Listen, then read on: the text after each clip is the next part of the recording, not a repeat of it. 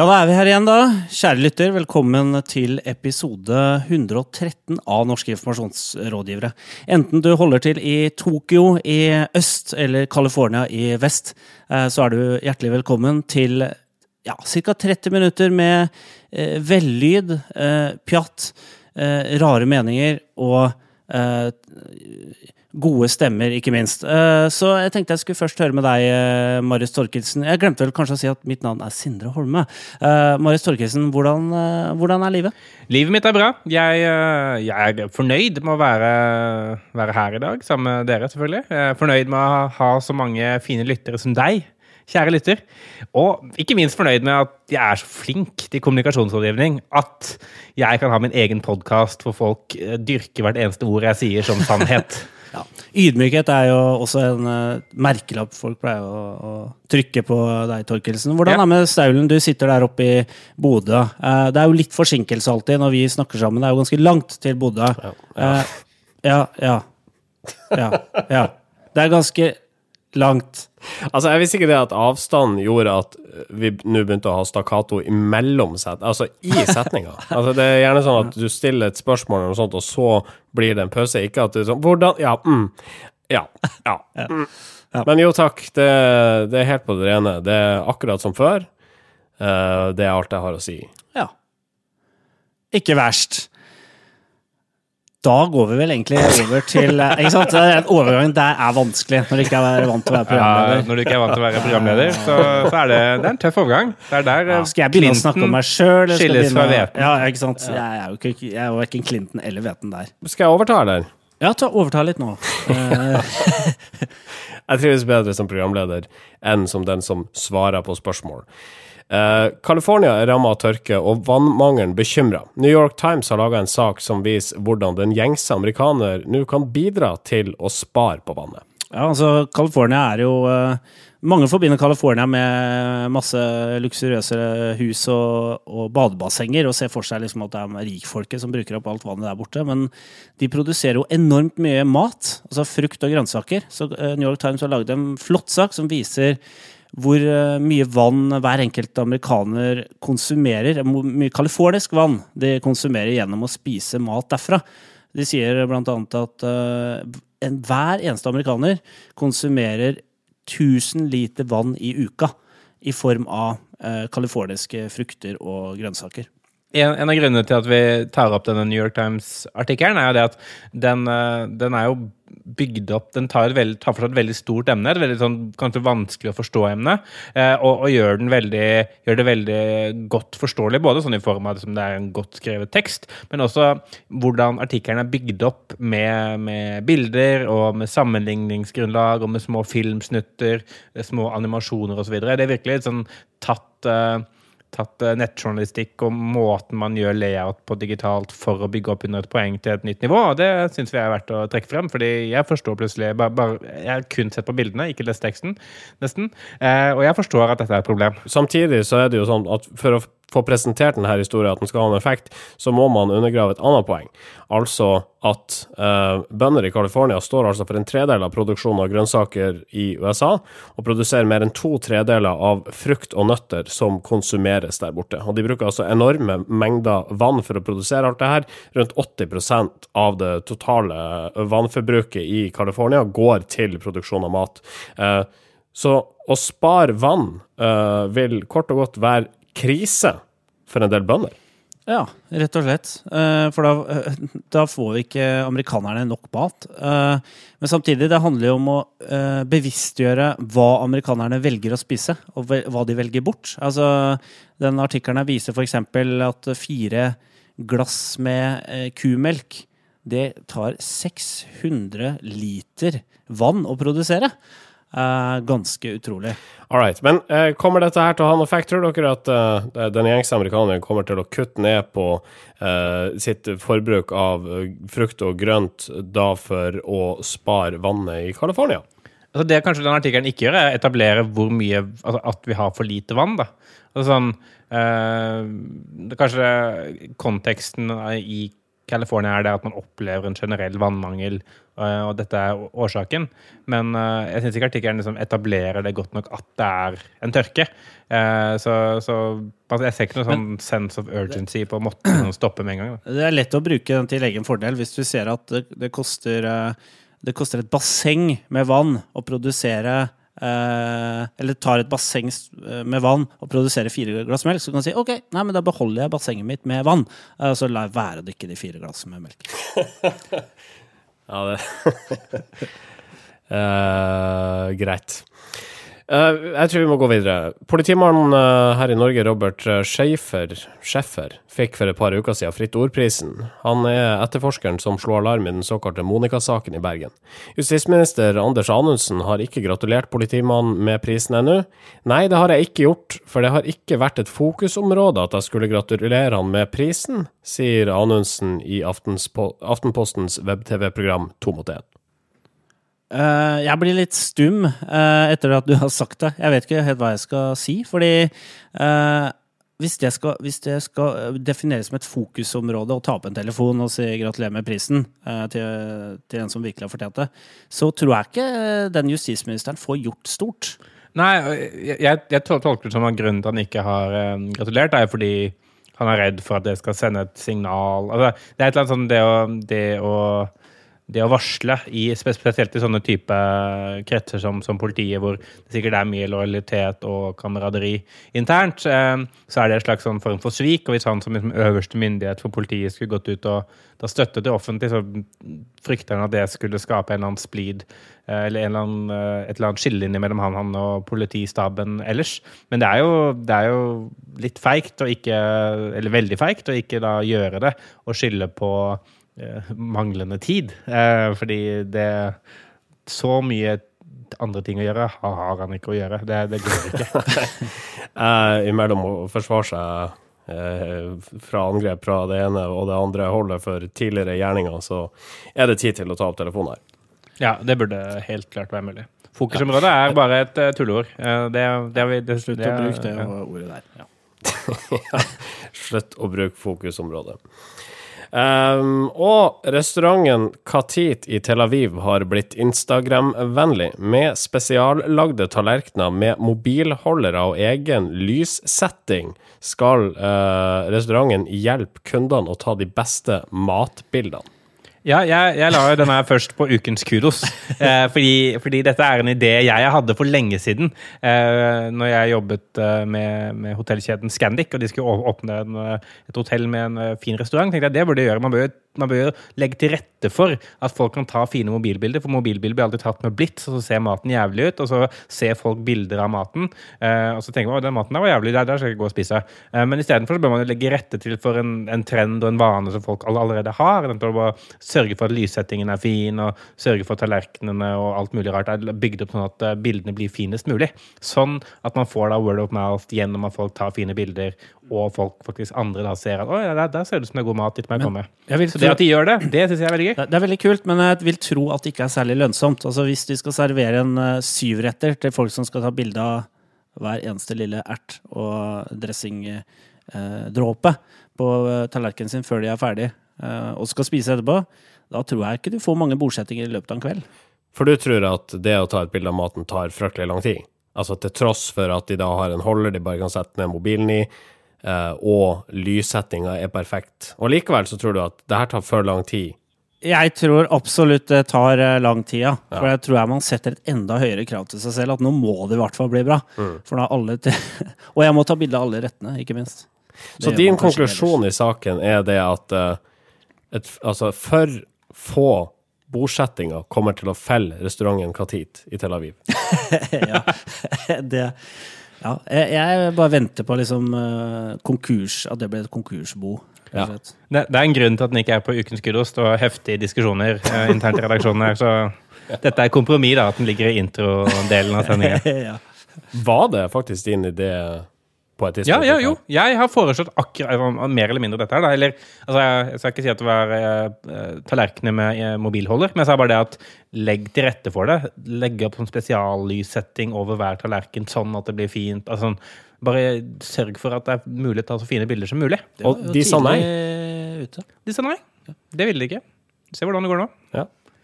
Går det ikke så bra nå? Jo, det går egentlig veldig bra. Det er det som er litt dritt, da. All right. Nei, nå må vi komme oss i gang her. Hjertelig velkommen da eh, nok en gang til NIR episode 113. Norske informasjonsrådgivere. NRK gjør seg klar til kommunevalget senere i år. Statskanalen skal bruke ca. 14 eh, mill. på dekninga, og blant annet så skal de gjennomføre en maratonsending. 24 timer live med debatter, det ene og det såkalte andre.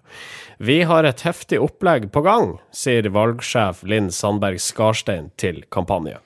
Ja, eh, den nye sakte-TV-satsingen fra NRK er visstnok eh, valgkampen, eller eh, lokalvalgkampen. De, de planlegger en såkalt mobilisering av alle distriktskontorene rundt i NRK for å kunne få til en 24 timers minutt for minutt-dekning av norsk valgkamp. Og det er jo, det er jo en måte å Altså, en sånn vel, velkjent greie synes jeg, for NRK er å ta ting som man i utgangspunktet ikke syns er så veldig stort, og bare gjøre masse rundt det, sånn som strikking, eksempel. Eh, gjøre masse rundt det, sånn at folk tenker at dette er ganske stort. Og det er liksom samme taktikken de nå har med lokalvalgkampen. Ja, altså, det er jo ikke, men NRK sier at de vil ikke at det skal kalles for sakte-TV, for de mener at eh, 24 timene, det skal være debatt i 24 timer. Eh, lokaldebatt, rett og slett. Eh, sånn at det her skal ikke være noe man mediterer til og liksom eh, ligger på sofaen og slapper av til. Her skal man engasjere seg i 24 timer. Men de skal altså kjøre eh, lokaldebatter fra rundt omkring i landet, men jeg bryr meg jo ikke noe om hva som skjer oppe i Tromsø. Opp, Opp, opp i Bodø. Jeg bryr meg om noe som skjer noen steder. Så, nei. Eh, ja, men det er sikkert at folk Det er som når de hadde den derre salmesang, eh, 24 timer salmesang. Eh, så satt jo folk under og så på for å håpe at snart så kom sitt eget kor. Eh, og det, Ja, men det er blir det helt det samme? Altså, nei, altså det er mer Vi likt. Ja, Altså, salmer appellerer til alle, ikke sant? Sånn at du kan ha et eh, kor uh, på Jørstad som synger en uh, sang, og så har du et annet kor oppe i Tavevik, og, og, og folk kan i hvert fall forenes om sangen, og så er det ekstra stas da når koret ditt kommer. Men her så er det snakk om lokalpolitikk i en by du ikke bor i, ergo helt irrelevant for deg. Eh, men det eneste du har igjen da, det er at du gleder deg til dine lokalpolitikere politikere kommer i ditt lokale Jo, samfunnshus. jo, men, men det er også litt stas, fordi altså, disse lokalpolitikerne får jo plutselig en offentlig talestol. Så, så det kan kanskje prege debatten også, at man ikke lenger diskuterer liksom, eh, hvorvidt eh, man skal bygge en, eller oppruste kirken eller et eller annet, eh, men heller hvorvidt man Skifte faktisk takstein Skifte takstein, på men- eh, Grøt, Grøtlaberg kirke. men, men om, om man i, i større grad skal, skal liksom vende blikket utover og finne på et nytt kommuneslagord, tiltrekke flere fra hele Norge til bygda, eh, at det blir en mer sånn rikspolitisk lokaldebatt. da. Ja, altså, politikere flest er jo gørrkjedelige, og særlig polit eh, lokalpolitikere. Så hvis du ikke er engasjert i saken i utgangspunktet, så tror jeg du neppe vil bli engasjert eh, her, da. Men jeg vil foreslå for NRK at hvis de ikke allerede har booka programledere til den sendinga, så hvorfor ikke kalle det for Slagordsjekken 24 timer? For her kan vi reise til 425 kommuner rundt omkring i Norge og sjekke om er det så bra som de sier at det skal være. Og så kan vi konkludere. Det var det morsomt eh, tilskudd til valgkampdekningen. Ja. Ja. det er. det. Og så kunne man få kunne man stille ordføreren til veggs da. ikke sant? Det er ikke eh, varmt i Arendal. Eh, Det er jo selvfølgelig de unge seerne NRK vil hanke tak i, som alle andre medier i hele verden. Hvordan skal man i 2015 klare å engasjere eh, kidsa, for å si det på redaktørenes eget språk? Da trenger man selvfølgelig Leo Ajkic, fordi han, eh, han snakker norsk, men på en eh, måte som er litt annerledes enn eh, hvordan andre nordmenn snakker norsk. Ja. Han har jo hatt valgkampdekning før for NRK, hvor han hadde battle, politisk rap-battle mellom ungdomspolitikere. Det liker ungdom. I tillegg så skal jo selvfølgelig Niklas Baarli og Mattis Nylander fra Verdens rikeste land, der Sindre pleier å være gjest, være med. Så, det, Hei på dere. Vi har ikke, vi har ikke tro på at dette vil fenge, fenge ungdom, eh, men fordi ungdom, eh, ifølge de mange studier, er jo, er jo mye mindre opptatt av fellesskap eh, enn noensinne. Som betyr at liksom, eh, debatter rundt kommunesammenslåing, kommu- debatter rundt liksom, lokalområder blir mindre relevante, spesielt for den aldersgruppen 13 til, til 19 år, fordi man i størst mulig grad ikke er spesielt oppfatt, opptatt av et fellesskap. Som igjen betyr det at hvis man skal engasjere dette, så må det handle om hvordan eventuelt politisk skifte kan gagne dem som enkeltpersoner, framfor liksom, samfunnet som helhet.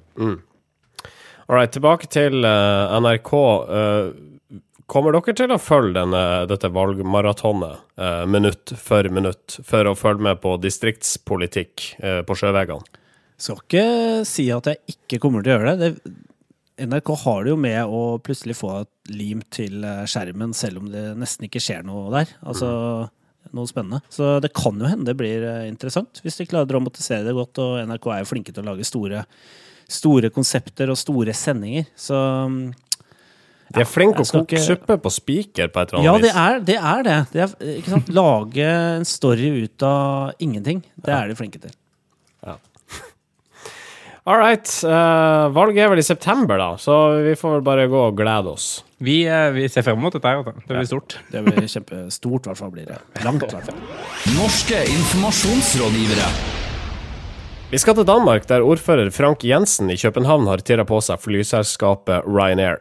Jensen kunne nylig eh, melde at ingen av de 45 000 ansatte i kommunen får bruke Ryanair når de skal noen steder, ettersom selskapet ifølge ham bl.a. bedriver sosial dumping. Ryanair svarer med et saftig motangrep med referanser til en utskjelt og etter hvert henretta fransk dronning.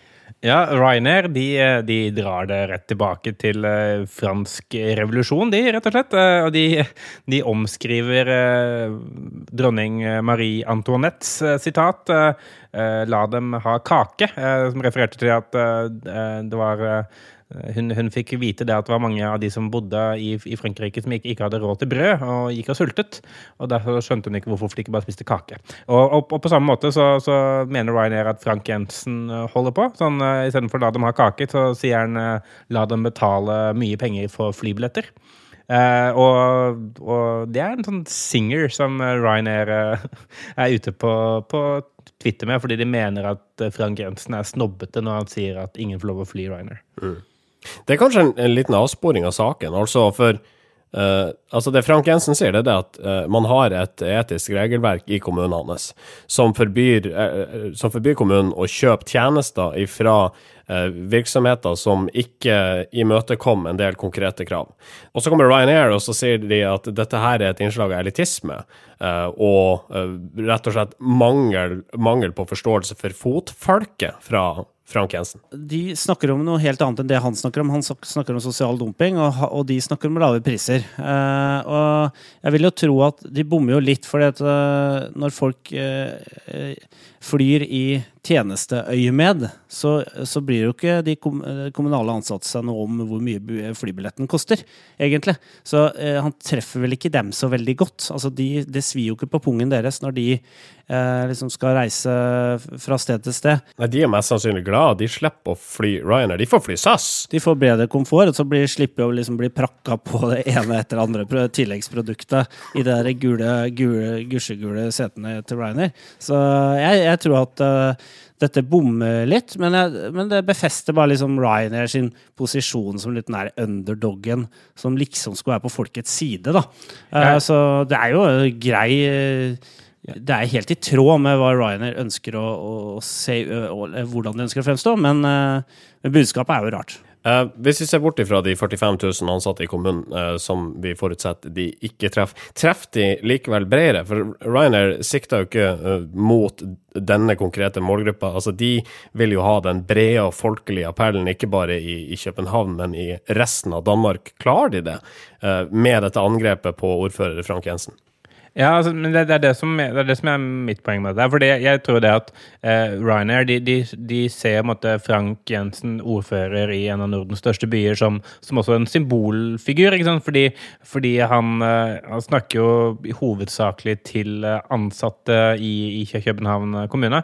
Eh, men, men, samtidig så, så, er han jo eh, en person som blir sitert da i en rekke medier, som gjør at folk som også jobber ikke, ikke, ikke jobber i kommunen, også får, får med seg dette. her. Eh, det betyr igjen det at hans ord plutselig får en annen makt utover flere eh, de, enn de som jobber i kommunen. Eh, og, og, og Ryanair de, de, prøver jo da å slå mynt på det ved å håpe at eh, for det første så er, så er det jo en del eh, Alle, som måtte da blir da arbeiderklasse i, i Danmark, de, de, vil jo allerede føle en viss sånn eh, dissonans opp mot de som er offentlig ansatte og offentlig valgt, som er litt sånn elitister. Mm.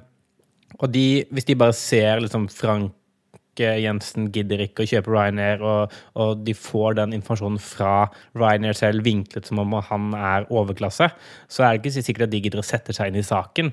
Og da er det veldig lett for dem å bare ta Ryanairs side. Det som jeg synes er spesielt med dette, er det at de valgte Twitter som medium.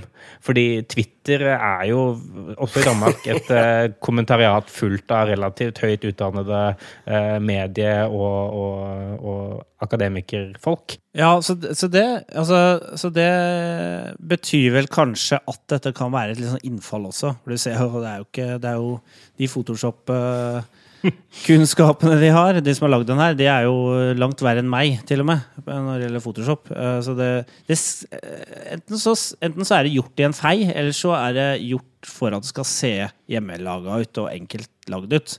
For hjemmelaga, det ser det ut. Ja, det ser absolutt ut. Og det er klart at folk er jo opptatt av lave priser på fly. Når SAS er så mye dyrere enn Ryanair, uh, vær så god for uh, reklamen uh, Ryanair i denne sendingen han gir. Men det er jo Folk er definitivt klart opptatt av pris. Og hvis SAS da hadde nærma seg Ryanair i pris, så hadde selvfølgelig omdømmet hatt noe å si, og sosial dumping. Men sosial dumping, det er ikke noe folk legger stor vekt på når de skal til Syden. kanskje ikke det. Det har vel historien bevisst gang på gang. Eh, Ryanair eh, kunne vel nylig levere de siste tallene som viser at det er milliardoverskudd å spore i den virksomheten. Det er vel det. Ja. All right. Tommel opp eller tommel ned for Ryanairs uh, mottrekk uh, til Frank Jensens angrep. Jeg syns det var elitistisk gjort av Ryanair å bruke en sånn referanse, som du må ja, ha lest er, mye litteratur for å, for å, forstå. Det er faktisk et veldig godt poeng. det. er akkurat som i franske revolusjonen ja. med dronning Marie Antoinette. Ja, det. Har ikke lest Tolstoy. Eh, han skriver jo opp på side opp på side ned det er krig og fred. Så Knut Hamsun skrev i Sult. uh, og så får vi bare legge til da, at uh, Marie Antoinette sa vel egentlig ikke dette her. Nei. Det er angivelig en myte, men det er fortsatt en referanse til Marie Antoinette. Det er, det er fortsatt en veldig, en veldig fin sitat, og veldig, sikkert veldig beskrivende for det frans, franske kongehuset. Gutenberg. Pergamentrull. Tresko. Brevdue. Elektronikk. Fax. Nintendo 8-bit. CDR. Ja, ja, jeg sender pressemeldingen på Telex. Sindres tidsmaskin. Vi har vært eh, på 1700-tallet allerede i Ryanair-stikket. Vi skal ikke så langt tilbake når du, Sindre, skal uh, ta oss uh, gjennom Ja, ta oss på en reise i tiden. Eh, vi, vi, skal eh, faktisk eh, tilbake ett år etter at Glimt ble etablert oppe i Bodø. Men vi skal ikke til Bodø. Vi skal til 1917. Dette er året hvor den russiske revolusjonen finner sted. Wenche Foss ble født. Og USA erklærer krig mot Tyskland og blir med i den første verdenskrig. Og vi skal eh, holde oss i USA. Eh, Europa er jo et veldig urolig eh, kontinent på den tida her. Det er jo kriger over hele kontinentet, og det er ikke noe hyggelig sted å være å lande med en tidsmaskin midt i, midt i liksom mellom to skyttergraver eh, på kontinentet. Så vi drar til USA, eh, som jo ofte liker å krige andre steder, og da er det ganske fredelig der. Men eh, skal til USA, og der bor det en kar Eh, en tegner og kunstner som heter James Montgomery Flagg. Og akkurat i dette året her, eh, i 1917, så sitter han nå og tegner en tegning som ble helt sentralt i det amerikanske propagandaapparatet de neste 50 årene, kan man si. Han tegner en mann med hvitt hår og skjegg og en stor hatt med stjerner og striper på. På plakaten Dette er en plakattegner, eh, og dette er jo storhetstiden for plakatpropaganda. Eh, og der står det 'I want you for the US Army'. Og mannen på plakaten er Uncle Sam. Så dette er 1917 er da året hvor Onkel Sam blir eh, liksom det store symbolet på USA. da. Og hvem er onkel Sam? Nei, Onkel Sam er jo eh, ble jo da en personifisering av USA. Dette er selve USA, liksom. Legemliggjøringen av USA. Men navnet spiller jo på Sam Wilson, som var en slakter i New York på 1800-tallet. Eh, som laga mat til de amerikanske soldatene under, under den anglo-amerikanske krigen i 1812. Eh, men så kommer han tilbake igjen da i 1917 og blir da liksom USA sitt ansikt. da, Eller den amerikanerne identifiserer seg med. Eh, og egentlig har onkel Sam referanse helt tilbake til 1700-tallet, faktisk. Som vi var, eh, som vi var inne Vi var jo der tidligere i dag. Men her er det da første gang vi ser onkel Sam, og han blir jo da sentral både for å rekruttere amerikanske soldater til første verdenskrig, andre verdenskrig, Koreakrigen og Vietnamkrigen. Helt, eh, helt opp til liksom 60-tallet eh, så ser vi denne karen eh, I over- offisiell propagandakommunikasjon. i offisiell propagandakommunikasjon, og han overbeviser da tu, ikke sant, titusener, hundretusener av unge amerikanske menn da, til å verve seg eh, for det amerikanske forsvaret. Jeg lurer på det om, om han, eh, når han sitter her og tegner eh, i 1917, om han ser for seg altså, den enorme, ikoniske effekten denne plakaten Ja, Det er helt umulig, sikkert, da, men at det er et såpass velkjent bilde at du kan beskrive dette her nå kun med ord. og Jeg vedder på at alle som hører, fortsatt forstår hva det er. Da. Det er ganske ekstremt altså, hvordan det har blitt en del av en sånn felles popkulturell greie. Ja, Det må jo være den mest innflytelsesrike plakaten noensinne. Eller som har liksom har klart å Ja, utenom Mona Lisa, men det var vel ikke en plakat. Det var Ikke en plakat. altså, det var da Høykultur, lavkultur, vi, vi går fort mellom eh, Men altså, jeg tenker eh, altså, Denne figuren her er så sterk at selv uten hjulpen kjennskap Altså, vi hadde ikke trengt å prate om denne plakaten i det hele tatt, men med en gang noen sier 'We want you', så er det veldig mange som tenker på dette fjeset, dette arge, gamle fjeset, som vil rekruttere deg. Ja, og så er det litt interessant, fordi uh, mens vi snakker, så sitter jeg og leser litt om det her også. Og, og denne plakaten er, den er basert på en britisk rekrutteringsplakat fra 1914. Eh, og den, den ser liksom sykt mye styggere ut, og ingen Jeg har aldri sett den før. Eh, Han, er- den briten ser ut som en sånn bryggesjauer eller noe sånt. Ja, Så, så har liksom ikke den ingen, ingen har lyst til å være på lag med han. Spørsmålet spørs hvor han skal ikke hen. den- Altså, hvis han skal på pub We want you to join us in the pub, bye! ja. Nei, veldig dårlig, veldig dårlig på engelsk, skal sies. Eh, veldig bra. Eh, propaganda fra tidlig 1900-tall. Eh, interessant tilbakeblikk. Som alltid, Sindre, skal vi reise tilbake til eh, samtiden. Det må vi nesten gjøre. Ukas kudos. Kudosen går til byrået Ogilvy Brasil, som på oppdrag fra organisasjonen Life Support Group har laga en kampanje som adresserer sosiale stigma rundt hiv og aids. Eh, og vi eh, holder oss på plakaten. Det er plakater som er det fremste virkemidlet i denne kampanjen her, på lik linje med Onkel Sam-kampanjen vi nettopp har forlatt. Eh, og det er nettopp av at det er plakater at dette fungerer så bra. Interessant at du har en Lille Lørdag-referanse akkurat i det du sa der. På plakaten var vel en eh, spalte der. Men eh, vi skal snakke om noe litt mer alvorlig. Eh, det er jo eh, Ja, de bruker plakater for, å, for å få fram budskapet, og de bruker en, en dråpe med hiv-infisert blod på plakaten. Eh, og det er jo blod som er totalt ufarlig eh, å, å ta på, fordi det har størkna, og det er liksom ikke Ja, det er ikke smittsomt. Viruset er dødt. Viruset er dødt, men det spiller jo på en ofte ubegrunna frykt, da, for, og veldig sånn overdimensjonert frykt for å bli smitta av, av hiv og hiv-smitte.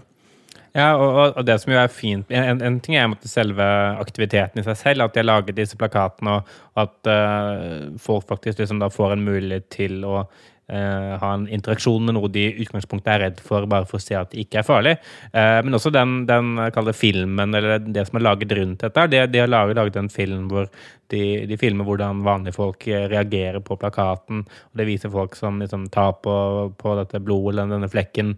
Til og med en fyr som kysser flekken. Den virker litt i overkant uansett. Men, for det er jo sikkert masse bakterier på plakaten uansett, selv om den ikke er hittet. Uh, uansett, da, så, uansett, så, så et, etter at folk, folk har gjort dette, så, så får, får de lov å møte da, eh, folk som faktisk er hiv-infisert, og som, og som, eh, som dette blodet stammer fra.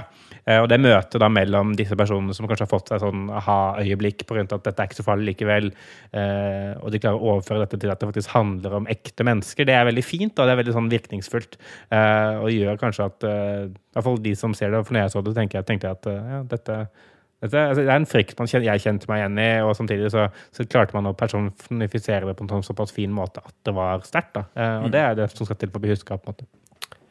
All right.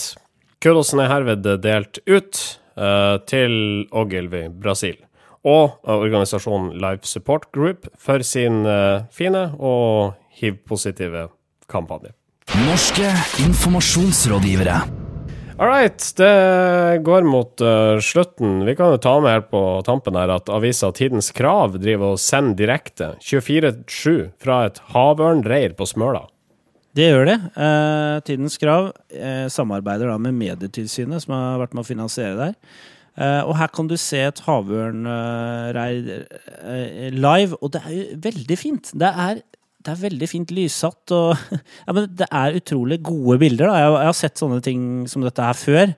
Uh, men da har det vært litt sånn, litt sånn crappy kvalitet. Men dette er jo flott. Det er, det er ganske fascinerende, faktisk. Sånn jeg har sittet og sett litt på denne, denne streamen av disse havørnungene som er født. og bare det, De ser jo ut som kalkuner inntil videre. De ser ikke spesielt grasiøse ut. Men, men, eh, men det er ganske sånn, det er ganske interessant å se noe så, så nært eh, på. Eh, Det jo, det, dette er jo liksom sikkert inspirert av eh, Det var en amerikansk nasjonalpark som jo- gjorde, gjorde noe lignende for eh, et års tid siden. Eh, Det var en reportasje om det på en podkast som heter This American Life, blant annet. Men, men uh, det som skjedde der, var jo det at uh, moren i, i dette reiret begynte å angripe ungene sine. Eh, og og dette, denne nasjonalparken fikk utrolig mye henvendelser plutselig fra folk som liksom mente at her måtte de bryte inn, her måtte de gjøre noe. For denne, denne moren var jo åpenbart gal, den var jo ondsinna. Eh, men det, det gjorde de selvfølgelig ikke, for dette er naturens gang. Jeg håper at de slipper det i dette tilfellet, da. men, eh, men det engasjerer folk. da. Eh, og, og det er tett på dyr, det kan være fint. Ja, så er det alltid fint å se havørn backstage, for du vet jo åssen det er liksom frontstage. Du vet jo hvordan det gjør seg til, men, men backstage, i reiret, det vet du veldig lite Ja, for de vet ikke, hvordan, de vet ikke at de blir filma. Nei, ikke sant? Det er det som er Det er så ekte, ikke sant? De er ikke så, altså de prøver ikke å være så kule som det de prøver på når de er ute og tar fisk. Ja. Da, se på meg. Jeg tar Ikke sant? fisk. De er ikke så grasiøse når de er hjemme. Da, da slenger de seg i sofaen og spiser potetgull og bare liksom Ja. Kneper opp en knapp. Du finner oss på soundcloud.com slash nearcast. Der kan du laste ned podkasten hvis vi å aktivere den knappen som sier 'allow downloading'. Um, du finner oss på iTunes um, og i stort sett en hvilken som helst uh, podkastspiller. Og finner du oss ikke noen av plassene, uh, så kan du gå på facebook.com slash nearcast. Der har vi lagt inn en uh, webplayer, sånn at du kan høre sendinga der.